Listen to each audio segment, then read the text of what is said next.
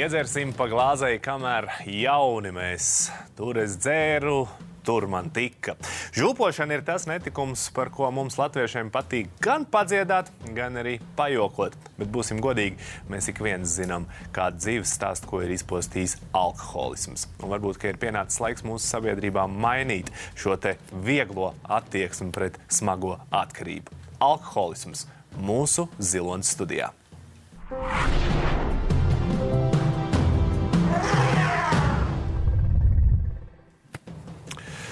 Par šo tēmu šodien eh, man palīdzēs eh, izprast un savā pieredzē dalīsies Mikls Dukurs, mūziķis, kurš atklāti runā par savu atkarību un savām problēmām, un Violeta Stepānova, kur ir pārtraukusi lietot alkoholu, jo, kā viņa pati ir atzinusi, nepratu īsti apstāties un sāka kļūt par traku.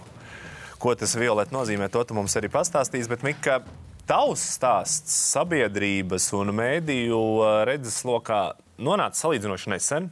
Vismaz arī manas acis un ausis to sadzirdēja. Četri mēneši, jā, nu jā. Četri mēneši.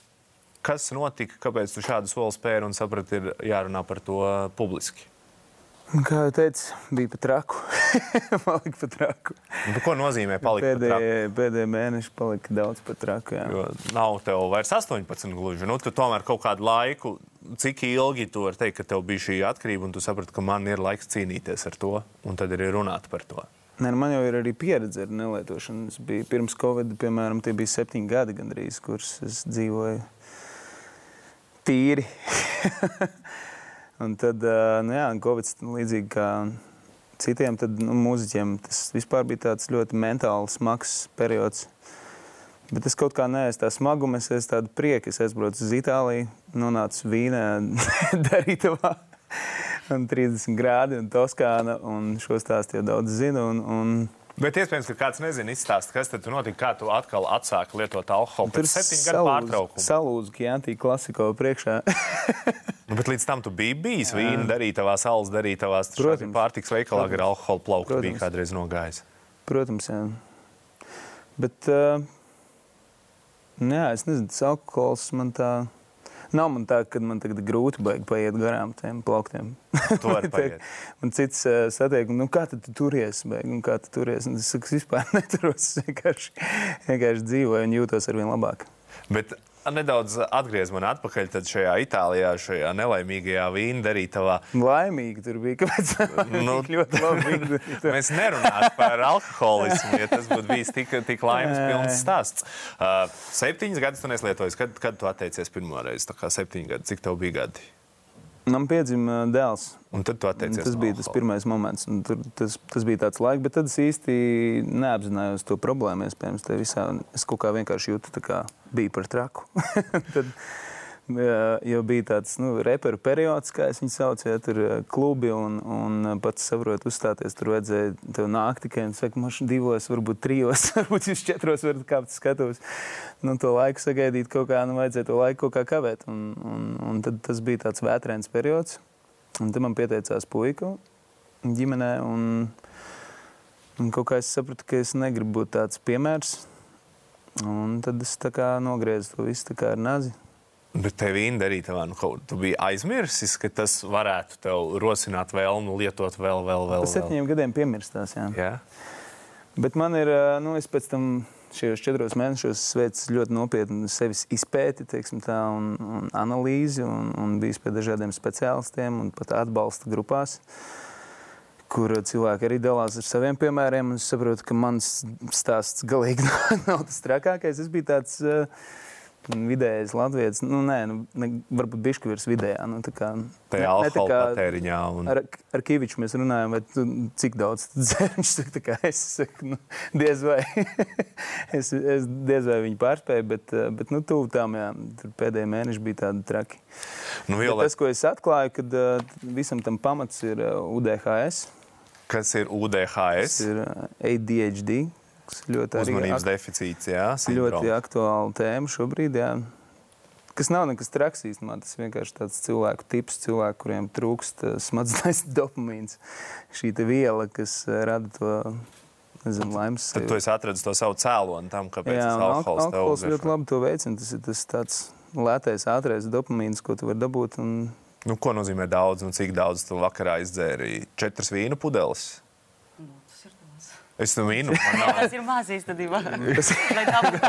Salīdzinot ar ko, jā, ar kur. Ē, Nē, nu vīnu, vīnu tik daudz izdzert man personīgi bija grūti. Tīri dēļ um, veselības tādos nu, apsvērumu pēc. Tas tā smagi. Mm. Parasti no Kas bija vīna. tavs mierinājuma dzēriens, dopamīna dzēriens un tas daudzums, tas daudz. bija tā, ka tajā darītavā es izdomāju, es pat, man pat ir tetovējums tam par godu. Es domāju, vīns ir mana lieta. Tas ir tas, ko es varu kontrolēt, tas ir forši. Bet nu, ļoti ātri tā tolerance aug, un, un tu nonāc no tā forša līdz tā, ka tu saproti, ka nav nemaz tik forši, un tu meklē vēl tā kā, un tad tu iepazīsti arī rumu un džinu. Un, Un tad, no, varbūt džins ir mans. jā, varbūt tas ir mans, un tad tu atopies pēc, pēc pāris mēnešiem, kādiem mēnešiem, tur jau kaut divi gadi bija tas tāds periods.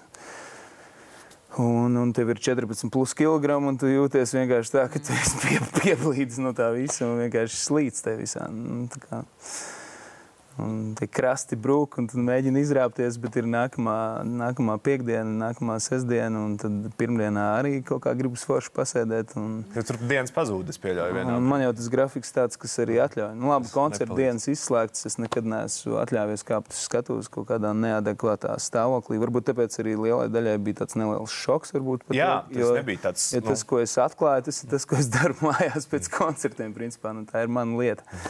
Uh, Violets, ko nozīmē tev par traku? Par traku tas nozīmē, ka tu dzer un nevari apstāties, tev nav stopiņa. Un tad, kad tu aizmiedz un no rīta vai piecelies un padomāties, what, what, what happened here? Un tu nesaproti, kas tur notika. Tad, prin- principā, tas tavs par traku nozīmē tas, ka tu vairs neatceries savas izklaides. Ja? Uh, neteiksim, kā izklaides, bet daudzumu. Ir divi tādi pakapieni. Tu iedzer, piemēram, divus saliņus. Tu jūties, o, tu tev, tev tik labi turās lēbils, tev viss ok. Un pēc tā atnāk vēl viena atvērās, tā kā atveras elpa, un tad gribas vēl un vēl un vēl. Un tad, kad ir gribas vēl un vēl, tad tu nevari vari, vairs, vairs apstāties. Mm -hmm. Un tad, kad tu nevari vairs apstāties, tad tu tikai dzer visu pēc kārtas, kamēr tev ir labi, līdz beigām, kad tu neko neatceries, ko tu darīji. Nu, bet tas, kaut, tas tev notika tāda piekdienas, nu, ballītē. Viss sākas jau ar piekdienu, sestdienu. Jā. Uh, un tad arī turpinājās pirmdiena, otrdiena, un tā tikai diena aiz dienas. Un uh, no rīta tu piecelies, tu domā, oi, galva sāp, oi, cik man sūdīgi. Tu stiepies pakaļ au, augstam aliņam. Ja tev nav augsta aliņa, tu stiepies kaut kam grādīgākam. Un tā ir diena, kad es sapratu, ka es stiepjos pakaļ grādīgam astoņus no rīta. Un, ja tev nav aliņa, tu paņem kaut kādu jāgeru meistarīti. Un, ja tev nav ko uzvert, tu vienkārši tīrai ieraudzi. Tad tu saproti, ka te ir jāapstājas. Un tad es kaut kā paņemu sevi pie prāta un domāju, ko es daru. Tomēr jauna meitene, un uh, cik man tad bija gadi, 24, 25. Un uh, es tā domāju, ko es daru ar savu dzīvi. Es esmu jauna, skaista, man ir tik daudz enerģijas, bet es to enerģiju visu pavadu pie pudeles, un tas nav labi. Manā sabiedrībā, man apkārtēji cilvēki bija arī tādi, kuri pati, kuriem patika iedzert, un uh, mēs daudz dzēram. Ziema, vasara tas bija vienalga. Uh, Piektdiena, sestdiena tas vienalga. Jā, un, jā. Un kā ir mainījusies tagad tā tava sabiedrība, tie cilvēki apkārt? Kad, cik če, ce, četras gadus tu nelieto alkoholu? Pieci gadi. Piecas gadus tu nelieto Jā, man alkoholu. palika 25. Un, kāpēc vispār es pārtraucu lietot alkoholu? Es satiku divus cilvēkus savā dzīvē, un es klausījos viņu kā, stāstos. Viņi bija tīrāki alkoholiķi. Un viņi stāstīja, kā viņam izdevās pārtraukt dzert. Un es domāju, wow, man liekas, tas ir tik forši. Un, uh, es uzskatīju par viņam, viņus kā dievus. Es domāju, ja viņi spēja, kāpēc gan es nespēju? Bet Un- tu sevi asociēji, tu atzini sev, es esmu alkoholiķis, vai tu vienkārši saprati, nu, man garšo alkohols, bet es sev neuzskatu par alkoholiķu. Es atzinu, bet es to neteicu skaļi. Man bija kauns to pateikt skaļi. Es, man, bija skaļi, man bija kauns pateikt to skaļi televīzijā vai kādā žurnālos atzīties to, jo es uzskatīju, ka tā ir mana tā kā, problēma. Un par manām problēmām nevajag nevienam zināt. Jo kamēr es neesmu atrisinājusi savu problēmu, tikmēr es nerunāšu skaļi. Tad, kad es atrisināšu savu problēmu, tad es varu runāt skaļi.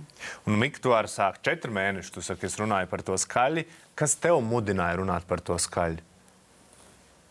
Nu, patiesībā dara brīvs cilvēks, un man vienkārši pašam tā kā kļuva smagi ar to visu staigāt. Bet palika vieglāk tagad. Sevi, un es iedomājos, ka nu, varbūt, varbūt ka tas arī kādu iedvesmo. Tas ir mans arī tāds dzīves viens no mērķiem. Varbūt tieši tas, ka es neesmu tāds gadījums, kas tur nu, publiski kaut kur vārtās. Un, un, nu, es tāds, es tāds uh, alk alkohola gurmāns. Tāds, teiksim, es dzēru labus dzērienus. arī sev atzini? Es dzēru mājās. Ka es esmu alkoholiķis. Es vienkārši gribu saprast, vai tam ir kāda nozīme šim te vārdam. Ir Atzīt, Jā, ir, ir nozīmē. Mm. To es sapratu, ka es gāju šīm atbalsta grupām. Jā. ka Tas tev ir ļoti svarīgi. Tas ir ļoti svarīgi, ka tu to vari sev pateikt skaļi. Jā. Un īstenībā, tad, kad tu runā skaļi par šām problēmām, mēs varam palīdzēt kādam citam cilvēkam. Jo mēs varam dot piemēru. Cilvēks, kurš nav izmēģinājis to savā, uz savas ādas, viņš nesapratīs to. Ā, Mēs, es, piemēram, es, Miks, ir izmēģinājis, kā ir cīnīties ar alkoholu un kā ir būt tur, kur viņi arī ir.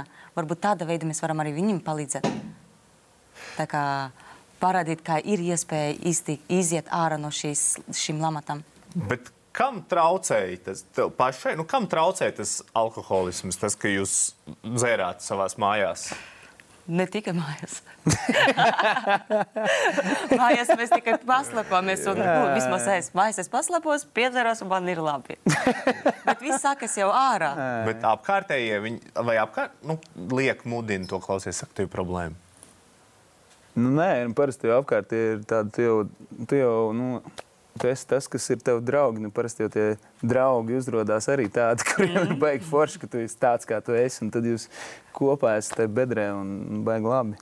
Jā. Tad, principā, viens no Jo tas, kas veidiem, ir, es nezinu, kā šeit, bet man, piemēram, nu, kardināli samainās arī draugu lokus, teiksim, nu, uzreiz. četru mēnešu laikā. Arī četru mēnešu laikā jā, parādās visādi jauni cilvēki, kas, kas man gadiem varbūt nebija zvanījuši. Jo īstenībā es saprotu, ka viņš nu, ir labs draugs. Viņš jūt, ka vajag ieturēt distanci. Jo viņš saprot, ka nu, es esmu bijis tā kā uzņēmis tādu kursu, nu, kur, kas nav tas labākais virziens. Un cik viegli ir tā diena, kad tu saki, nē, viss, es vairs nē. Tā ir diena, kad es pateicu pirmo reizi sev ne. Jā, Pirm, pirmo reizi.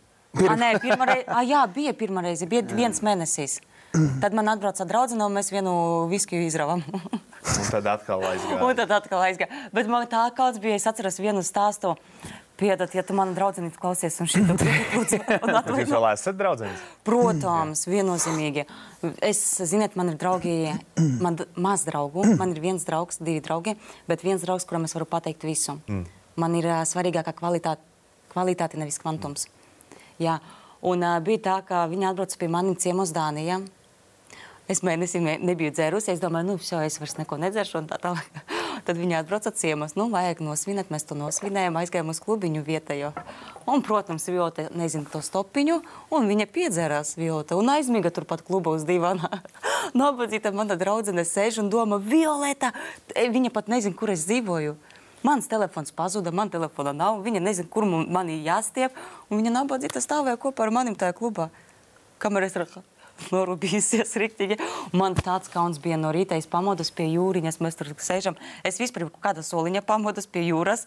A, tur divi apsargi, tādi lieli mačo bija. Aiznesa mani līdz tai jūrai, lai es pieceļos un aizmiegu, nu, atmostos. Un mana draudzene tur sēdēja, gaidīja. No sākuma viņa raudāja, pēc tam viņai vēl šņabis bija, tad viņai vēl ierava. es no rīta pamodos un domāju, o, oh, come on, jāiet, jādod tas mājās. visu ar tādu smaidu stāstu. Tas ir anekdote. Mēģ- Nevis anekdote, tas ir, sma, tas ir ā, smieklīgi šai brīdī, bet ne jau tajā brīdī. Pēc brīža mēs uh, turpināsim un mēģināsim saprast arī daži dažādos cēloņus, kāpēc alkoholisms ir tāda problēma mūsu sabiedrībā. Tiekamies pēc reklāmas.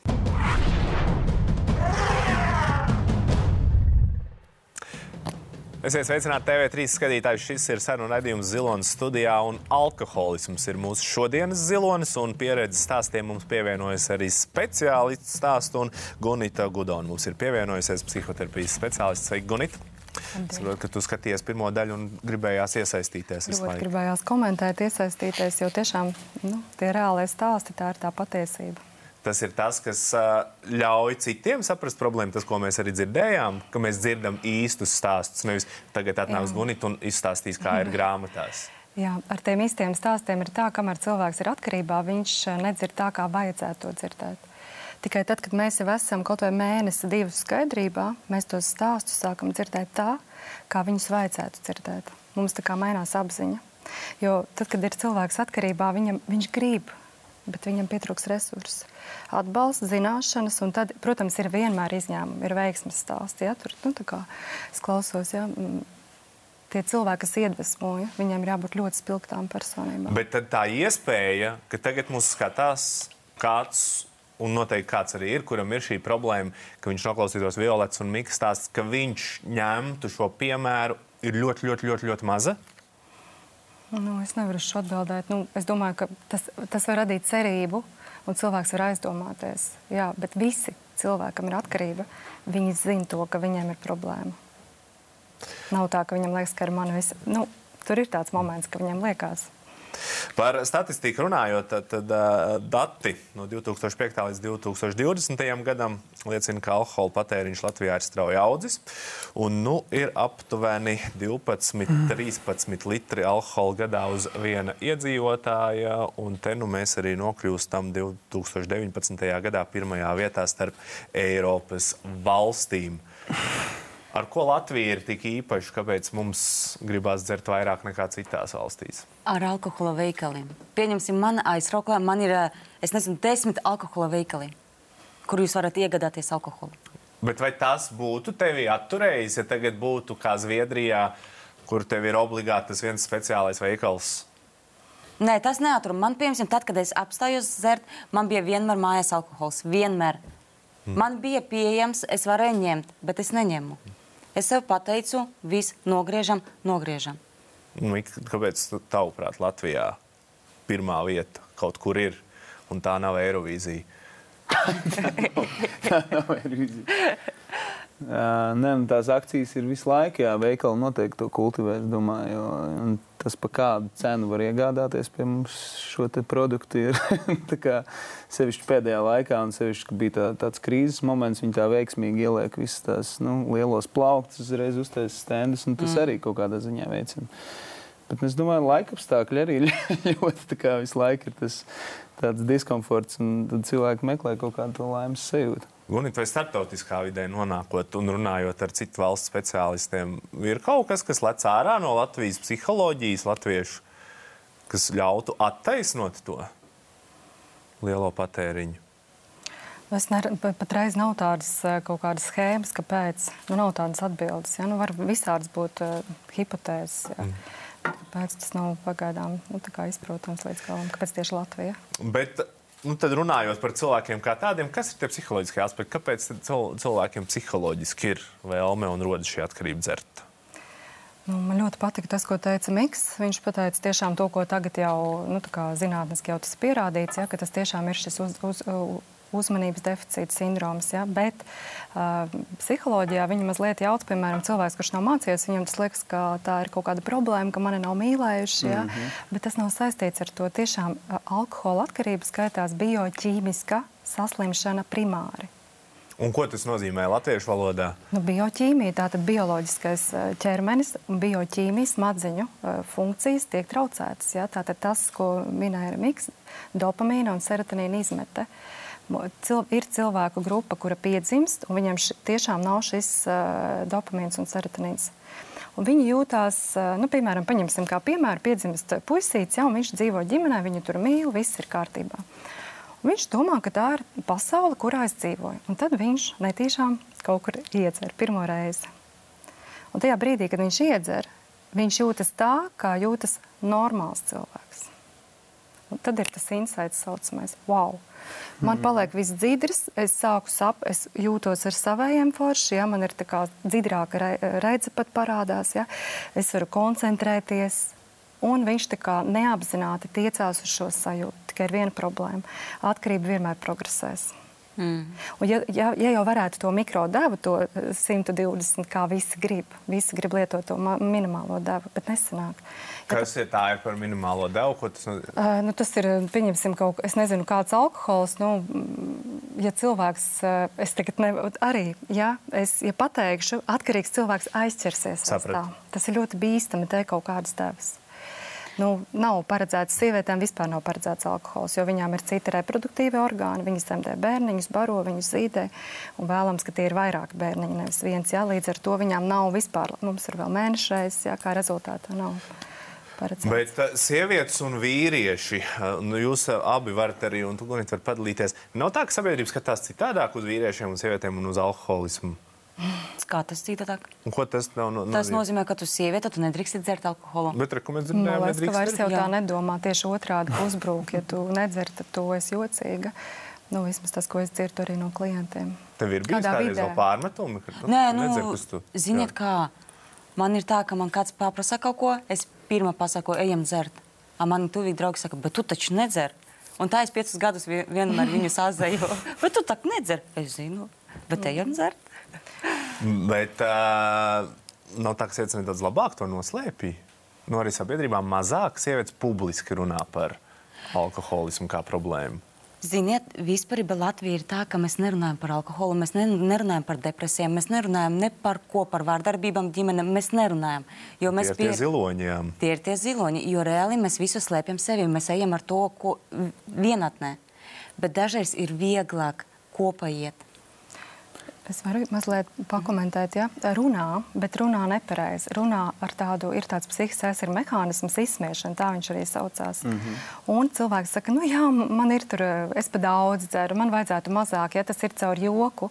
Un kamēr šī problēma uh, tiks risināta caur joku, uh, nekas nemainīsies. Tāpēc, ka par to ir jārunā kā par karu, jā, par eh, nezinu, kaut kādām nelaimēm. Tā ir milzīga nelaime. Es zinu to otru pusi. Ja es katru dienu strādāju ar ļoti daudz cilvēkiem. Tās ir ļoti liels nelaimes. Arī ģimenē, kur tas izskatās ļoti skaisti. Ja vīrs, sieva, mašīna, bērni, sunīti, labradors. Ja, tā sieviete ir gatava sev griezt vēnes vakarā. Bet es esmu dzirdējis, un varbūt tas ir mīts, un to jūs varēsiet tūlīt labot, ka sievietēm šī atkarība rodas ātrāk. Jā. Tas nav mīts. Nē, noteikti progresē. Sieviete piecu gadu laikā var eh, nonākt no 0 līdz 3 stadijai, pat līdz 4. iekāpt 4. Kas ir šīs stadijas? Mm. Nu, es tagad visu to lekciju Jā. nevarēšu nolasīt, bet tā ir no 0. 0. stadiju piedzīvo pie, pie, pilnīgi visi cilvēki, kas ir vienu reizi mūžā iedzēruši, piedzērušies. Un te, un tas saucās rozā posms. Un ja tajā laikā cilvēks nu, tā izvēmās, viss vairs nekad nedzērš, ja, viņš ir tādi fenomeni, reti gadījumi, kuri vairs nelieto. Nu, ļoti reti. Pārsvarā visiem ir šis nu, balīšu, -hmm. diskotēkās. Cilvēks lieto neapzināti. Viņam nav doma no skolas ejot mājā vakarā paņemt uh, pudelīti vīna vai aliņa, lai paskatītos seriālu. Tad, kad jau man, es sāku jau plānā, manā ienāka pudele, kaut vai reizi nedēļā, bet plānā viss tu jau esi slazdā. Mikls, tu atceries savu sākumu? Oh, jā, skolas diskotēkā. Man bija kādi, man liekas, 12, varbūt mazāk gadi. Un kurā brīdī vecāki to noķēra tev un sākās pārunas? Nu, viņi atbrauca man pakaļ tajā reizē, un tad, un tad bija baigi labs tāds. Es tagad tikai saprotu, jā, ka tas bija tāds foršs žests. Jā, man pie, es, es tikai aizvestu mājās, loģiski, un, un man tika iedota tāda paliela glāze piena, kuras, kuras visu arī izdzēra. Kā jā, man būs labāk, un kā, nu, tas galīgi nebija labāks. Pēc tam to vakar nosēdēju. Bet, nu, kā ir ar tām pirmajām reizēm, nu, kad tas pats gadnieks pirmo reizi piedzerās? Tas notiek lielāko daļu pats gadnieku dzīvēs. Kā vecākiem reaģēt? Ir kaut kāda formula. Likt to pienzert, lai paliktu tik slikti ar cerību, ka nu, tā būs trauma, kur vairs negribēsies atkārtot. Šī tēma ir ļoti nopietna. Un, uh, vecākiem vispār ir problēma ar vecākiem tāda, ka pirmkārt viņiem jāsāk ar savu piemēru. Tas ir pirmais. Un bērni ļoti jūt savus vecākus. Un, ja mamma turpat lieto ik pa laikam, piemēram, viņa divnieks, bērnam divnieks, un viņai vajag relaksēties, iedzert. Viņš redz to modeli, ja, un bērnam mm. tur var runāt vai nerunāt vienalga ko. Pirmais ir piemērs. Jā, tā tad, to, es nezinu, vai to kāds var Latvijā izdarīt. Būt piemērs, atteikties no alkohola. Ar to ir jāsāk. Tas ir interesanti, jo manā ģimenē tā kā vispār tas nav, nav tāda piemēra.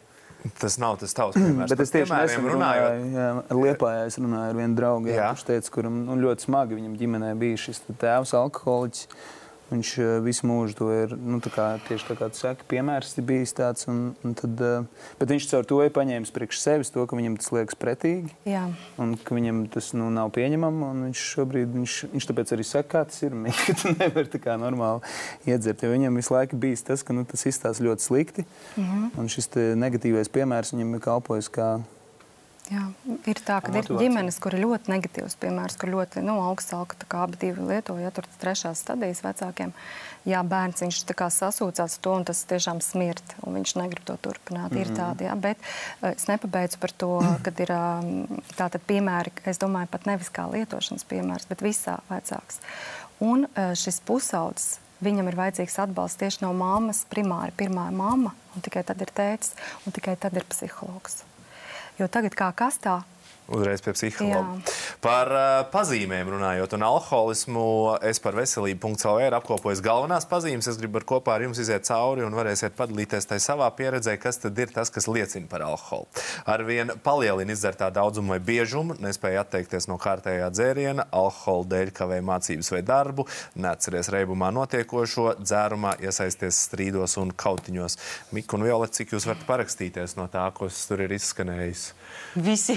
Visi. Viennozīmīgi visi.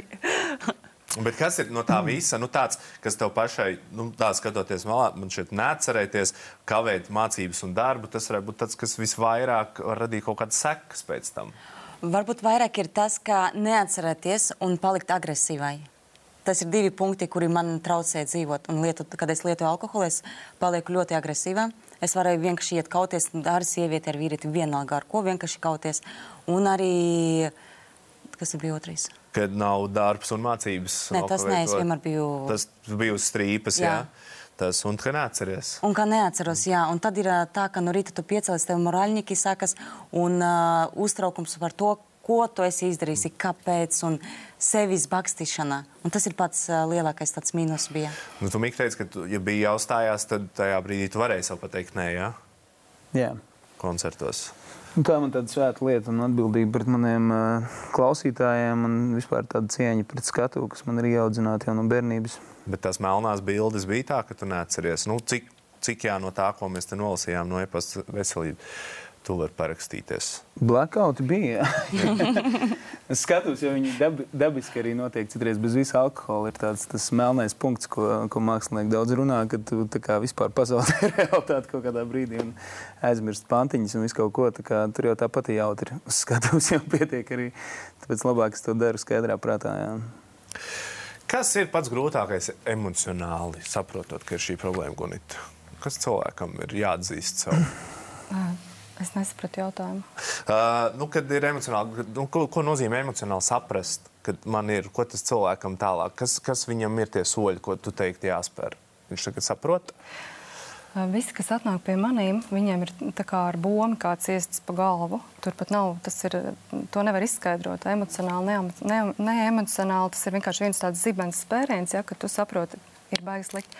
Katrs iet līdz tam savu ceļu tā sajūta, tas, tā bauda ir tik, tas, tas mirklis, ja, kā es parasti saku, mirklis, baudas mirklis ir ļoti īss. Tas sākumiņš foršs. Un cilvēks, viņš tā kā, ziniet, Pavlova pēles eksperimentos, viņas iet un iet, viņas, viņas vienkārši iet un tik daudz, piemēram, nu, ēd, ēd, ēd, ēd, kamēr nomirst, ja? Tieši tāpat ar atkarību. Uh, Tu zini, ka tu, tu slimos, tu zini, kas būs, tu zini, ka tu būsi agresīvs, tu zini to visu, bet tu tā kā tāds mēnesardzīgais vienkārši šeit to dari. Un tad ir tā, vai nu ir nelaime, vai nu ir smaga slimība. Jā. Ļoti reti, kad uh, cilvēks saprātīgi, jā, atnāk tādi uh, pie manis uh, klienti, bet viņiem ir ļoti augsts intelekta līmenis. Viņš vienkārši saprot, ja viņš tā turpinās, ka tur būs viss slikti. Jā. Par uh, veidiem, kā tad var cīnīties, un arī tiem jūsu pieredzes stāstiem, ko jūs esat darījuši, lai tiktu vaļā no šīs atkarības, turpināsim pēc brīža.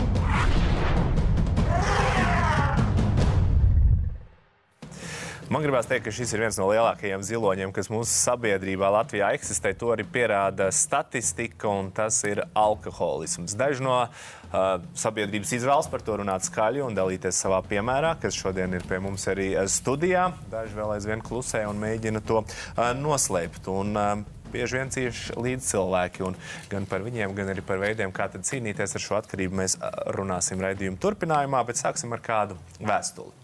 Draugs! Jau vairākus gadus cieši no alkohola atkarības. Pats griezās pēc palīdzības Minnesotas programmā, psihoneiroloģiskajā slimnīcā bez rezultātiem. Kā prom, tā atkal uzsēžas uz korķa. Ģimene nolaidus rokas, sākam justies līdzatkarīgi, nejūtam lielu atbalstu no valsts iestādēm, bieži saskaramies ar tekstu, neko darīt. Ja nost nemirst, šī nav pirmā reize, kad nonāca slimnīcā. Tas nekas īpašs, bet ir sajūta, ka vairs nav izējis. Parasti sabaro zāles, kādu brīdi patur un atkal ārā. Inteliģents cilvēks, ko neuzskata par tipisko origo dzērāju vienkārši aiziet postā. Kur jūs meklējāt, kur tu Mika meklēji palīdzību? Sevī. Galvenokārt. Es mēģināju priekš sevis saprast, kas man, ir, kas man ir svarīgi un kādas ir tās dzīves prioritātes un kas ir tas, ko es varētu zaudēt uz tā visu fona.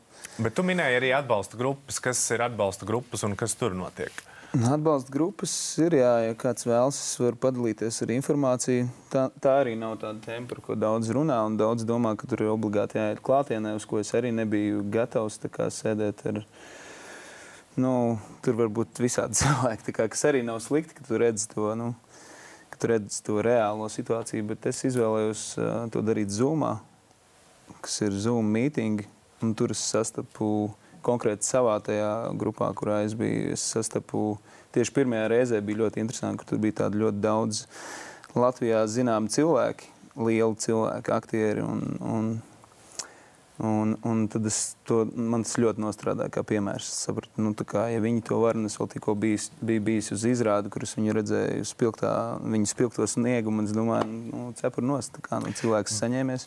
Bet tas ir tas, ko mēs redzam, jo bieži vien mums priekšstats par lietām Latvijā arī rodas no Amerikas, no Holivudas, un nu, tur ir filmā šie anonīmie alkoholiķi un šās tikšanās. Tas, ko tur runā, tas ir kaut kas tāds? Tas ir, jā, jā kur tev tiek piešķirts arī tāds atbalsta cilvēks, kas tevi uh, tur rokas. Tur ir šī 12 soļu saucamā tā 12 soļu tā programma, bet uh, tu jau vari vienkārši iet un klausīties. Tur nav, nav vispār nekāda tāda, tur neko neuzspiež. Tu vienkārši vari klausīties citus stāstus, ja tu vēlēsies, var dalīties. Ja tu vēlēsies, vispār var vienkārši noslēgt video un uzlikt mute un vienkārši klausīt. Nu, kā, Bet tu teici, ka tas ir pazīstams. Tu arī esi gal galā pazīstams cilvēks. Ir pēc šādas satikšanās tu ir, ir sakontaktējies ar kādu no, kas tur bija klātesošs un teica, klausies, nu, mums ir viena problēma. Dažiem jā, un tas beigas palīdz. Tas, ka tu, tā, tā apziņa, ka tu saproti, ka tu neesi viens.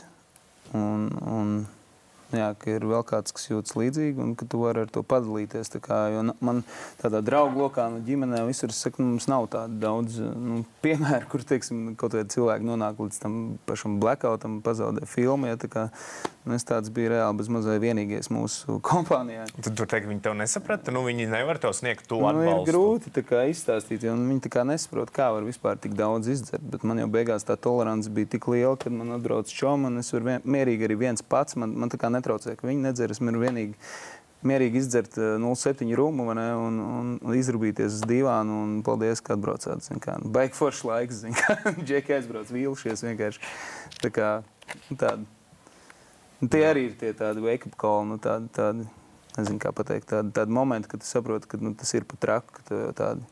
Un, Violeta, kas bija tavs? Tu teici, bija divi cilvēki, kas dalījās savā pieredzē. Viņi tev iedeva ceļu zīmes, kuras ievērot, lai tu tiktu vaļā esmu tās cilvēks, kurš klausās un pēc tam analizē.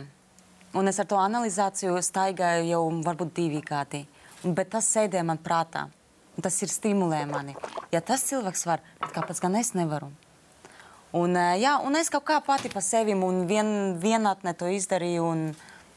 Ne, es negāju ne pie speciālistiem, ne pie kā. Es vienkārši pati ar sevi to strādāju. Es bišķiņ... Uh, kā pateikt, iz, à, es izolēju sevi no apkārtējas pasaules. Tas bija mīnus. Es izolējos, bet es cīnos ar to, jo es dabūju sociālo fobiju. Mm. Man ir tāds kā nemiera stāvokļi, uztraukumi metas, un tas ir ļoti spilgti. Protams, tāpēc manim to nepamanīsi, bet man iekšā viss tas drēb, un es cīnos bet ar to. Nav taisa nemieros tā, ka es zinu veidu, kā es varu tikt no viņa vaļā, aizmirsties ar alkoholu. Nē, ne jau manā gadījumā. Nē. Es biju tur, es tagad iešu uz citu ceļu, bez alkohola. Man dzīve būs bez alkohola, un es tā turpināšu. Nu, tev Mik, nav kaut kādi tie brīži bijuši, ka tā nu, ne, ne, šoreiz nebūs vairs tik traki. Tiešām būs tikai vīna glāze. Pamēģināt, teikt, kaut kad. Nē, tas ir tas, ko tev pirmais, ko tev pasaka, ar ko sākās AA mītings. Vismaz tas, kur es biju. Kad neiedomā, tas ir tā kā tev nocērt kājas, iedomājies, un viņas nekad neataug. Tā kā Tu nekad nedrīkst iedomāties, ka tu vispār kaut kad varēsi normāli kā, iedzert glāzi vai divas. un tā Kā, nē. Tu paliec visu laiku atkarī, atkarībnieks. Nu, tu un katra tā nākamā bedra, tā kā es runāju ar ļoti lieliem cilvēkiem, narkologiem, kas ir Latvijā speciālisti. Nu, katra tā nākamā bedra, tev tā tolerance būs aizvien augstāka. Un, un iespējams, tā, nu, ja tu vienreiz tā izdari, tagad man bija septiņi gadi, tagad es otrais paņemšu tādu pauzi, un trešā varbūt vienkārši liktenīgā. Tad es aiziešu līdz galam. Vienatnē cīnīties, Gunīt, tas ir prāta darbs. Pilnīgi tā- tā kā viens. Vienkārši šodien beigšu dzert, jā, un viss Jā. tagad vairs tā nedzeršu. reizi. Tā, tā var darīt. Kāpēc nē? Nu, labāk nekā turpināt dzert, bet uh, cilvēks jutīsies nelaimīgs. Pirmkārt, viņam nebūs šī dopamīna serotonīna izmete, kā viņš pēc mēneša pirmais ir tas eifórijas laiks, wow, es nedzeru forši. Un tad sākās, ja? Un tad, ja cilvēks nezina ļoti daudz lietas, psiholoģiskus momentus, nav izgājis tā kā pa maziem solīšiem, mm -hmm. arī ļoti daudz ir jāzina. Vajag Tieši. savu galvu ar Jā. informāciju. Vajag, lai algoritms visur izveidojās, tev met ārā tikai to, ja pats grib. Ja? Un, protams, meklēt šos cilvēkus, kas nelieto. Nu, tā kā arī zināms cilvēks, tas ļoti var iedvesmot. Jautājums, vai pietiks visam mūžam, nezinu. Jā, to mēs nezinām, jo dzīvē mēdz būt dažādi notikumi. Var notikt nelaime vai kaut kas, es, cilvēks var iecerēt. Tu tikai runāji arī par šīm te tikšanās reizēm. Teici, ka tur arī tas kontingents var būt dažāds arī šajā vēstulē, ko mēs pieminējām. Un patiesībā jau tā pirmā doma ir, kad mēs sakām alkoholiķis, tad mums nāk tur prātā varbūt kaut kāds bezpajumtnieks, kurš ir uh, dzer odekalonu. un Tas ir Nav tas. obligāti. Man nāk prātā Rēmons Pauls kaut vai nu. Un tieši te mēs arī varam palūkot tos piemērus. Raimons Pauls ir viens no piemēriem, kas arī atklāti par to ir runājis un teicis, ka, ja es vēl aizvien dzertu, tad droši vien nekas no tā, ko Nekas mēs baudām, nebūtu. Tāpat arī Daniels Redklifs, Harijs Poters, ir atzīts, ka viņš ir bijis ļoti aizrāvies ar alkoholu un uh, ir atteicies no alkohola vispār. Tāpat arī Drūmēra bērnu superzvaigzne jau bērnībā, un šī visa slodze viņai lika būt atkarīgai beigās no daž, dažādām problēmām. Vai ir tā, ka mēs varam atpazīt alkoholiķi? Nevienmēr. Alkoholiķis var arī būt tas, kas, piemēram, bagāts cilvēks, sēž vakarā pie vīna glāze un tā katru vakaru. Tas jau arī skaitas alkoholisms. Tas, kas ir tagad Latvijā, tas mm -hmm. ir bizness. Nav normas nekādas. Mm. Kā cīnīties ar šo problēmu un kur meklēt palīdzību, mēs jautājām narkologam, paskatīsimies eh, viņa padomu. Pirmkārt, uh, ir jāatcerās, ka uh, ne tikai tā kā, alkoholisms kā saslimšana var radīt uh, cilvēkam kaut kādu diskomfortu vai dzīvesveida uh, izmaiņas vai grūtības, bet jebkura alkohola lietošana, kuru cilvēku neapmierina, to var risināt. Un pirmais speciālists, pie kura būtu jādodas, tas ir narkologs, kurš ir ārsts, kurš piemeklēs attiecīgo ārstēšanas metodu un vajadzības gadījumā arī nosūtīs pie tālāk pie speciālistiem, kuri ir tieši šajā individuālajā gadījumā. Ārstēšanu ir vēlams uzsākt tad, kad cilvēks uh, spēj apzināties to, ko viņam saka, un tas ir uh, tad, kad viņš ir no reibuma atgājis. Jo tikai viņš pats zina, kas viņam ir īsti par problēmu, jo apkārtējie cilvēkiem ir tendence zināt par otru cilvēku labāk uh, vai pārmērīgi uztraukties kaut kādos gadījumos ir jāsaprot, kāds ir cilvēka stāvoklis šajā momentā, kāds viņš ir, kad viņš ir ieradies. Ja ir akūti psihotiski traucējumi, tad būs akūta palīdzība, kas nu, visbiežāk ir stacionārā, bet tāda var arī nebūt. Um, tad uh, ir ambulatorā ārstēšana, uh, kas uh, var būt medikamentoza vai uz psihoterapijas bāzes, uh, vai arī kopā, ko nodrošina multidisciplināra komanda. Uh, tas var būt gan valsts praksēs, gan arī privāti praksēs, un uh, būs arī rehabilitācija, uh, kas būs tā kā subakūtā palīdzība, un šajā tiek ietverts arī Minnesotas programma, kā ārstēšanas metode, kura norisinās pēc psihoterapijas principiem, Uz raidījumu atvedām ceļavādu. Cilvēki saprot, ka ir grūti. Ko jūs iesakat darīt no savas pieredzes? Ir kaut kāda viena formula. Jā, Jā. es pēc tam es izdomāšu kaut ko pa ceļam. Nu, man liekas, ļoti svarīgi nebaidīties par to runāt. Un, un man arī ļoti bieži tagad nāk, arī es tikko biju Liepājā koncertā, ne, un pēc koncerta kā loģiski ej ar visu to masu ārā. Un ļoti daudz cilvēku nāk man tā pilnīgi brīvprātīgi un, un jautā, ko, nu, kā es to paveicu un, un, un cik liela bija tā mana problēma. Un es arī ļoti atklāti ar to dalos. un Man liekas, ir ļoti svarīgi, ka mēs varam viens otram palīdzēt. Un kā atklāti tiešām par to diskutēt, apzināties to problēmu, vēlēties būt labākam. Man liekas, tas ir ļoti labi. Un meklēt šo motivāciju nu, sevī, apkārtējos, izvērtēt prioritātes un sākt šo cīņu. Nu. Es arī atceros, tad, kad es atmetu alkohola lietošanu, un es ļoti, ļoti izmainījos gan ārēji, gan uh, iekšēji. Es biju dušīgā dāma, un, protams, kā es pārprotu lietot alkoholu, es paliku tievākā un skaistākā, un nāda palika. Tā ir laba motivācija. Man arī Arī 14 kg kā ar nāzi. Nopietni, 4, 14? 4 mēneši, O. 14 kg. Es svēru gandrīz Jā. 90 kg. Varbūt, Tas arī vai ne, var būt kā motivators labi izskatīties. Arī fakts, jā. Un man bija jā. tā, ka tie cilvēki, kuri zināja mani, pazina mani, viņi vienkārši, wow, Violeta, kā tu to izdarīji? Kā tas ir iespējams? Jo viņi jau redzēja, cik daudz, ka, cik daudz reizes es biju tajā blackoutā. Un viņi man rakstīja, un es dalījos ar savu informāciju. un Tā, bet es ceru, ka tā informācija viņam palīdzēja. Bet, ja nepalīdz, nepalīdzēja, droši skatieties šo raidījumu, un varbūt uh, jums izdosies. Šie arī ir mūsu atvadu vārdi, bet paldies, eh, ka nācāt un dalījāties ar saviem pieredzes stāstiem. Es tiešām ceru, ka tās dzirdīgās ausis, kurām tās ir jādzird, jāsadzird, to arī būs sadzirdējušas. Un, un eh, atceramies, ka vairāk par šo tēmu varat lasīt TV3.CLV slīpsvītra zilonis, kā arī mūsu sarunu varat klausīties Spotify. Meklējiet zilonis studijā, un tur atradīsiet gan šo raidījumu, gan arī visus pārējos. Paldies viesiem, paldies skatītājiem!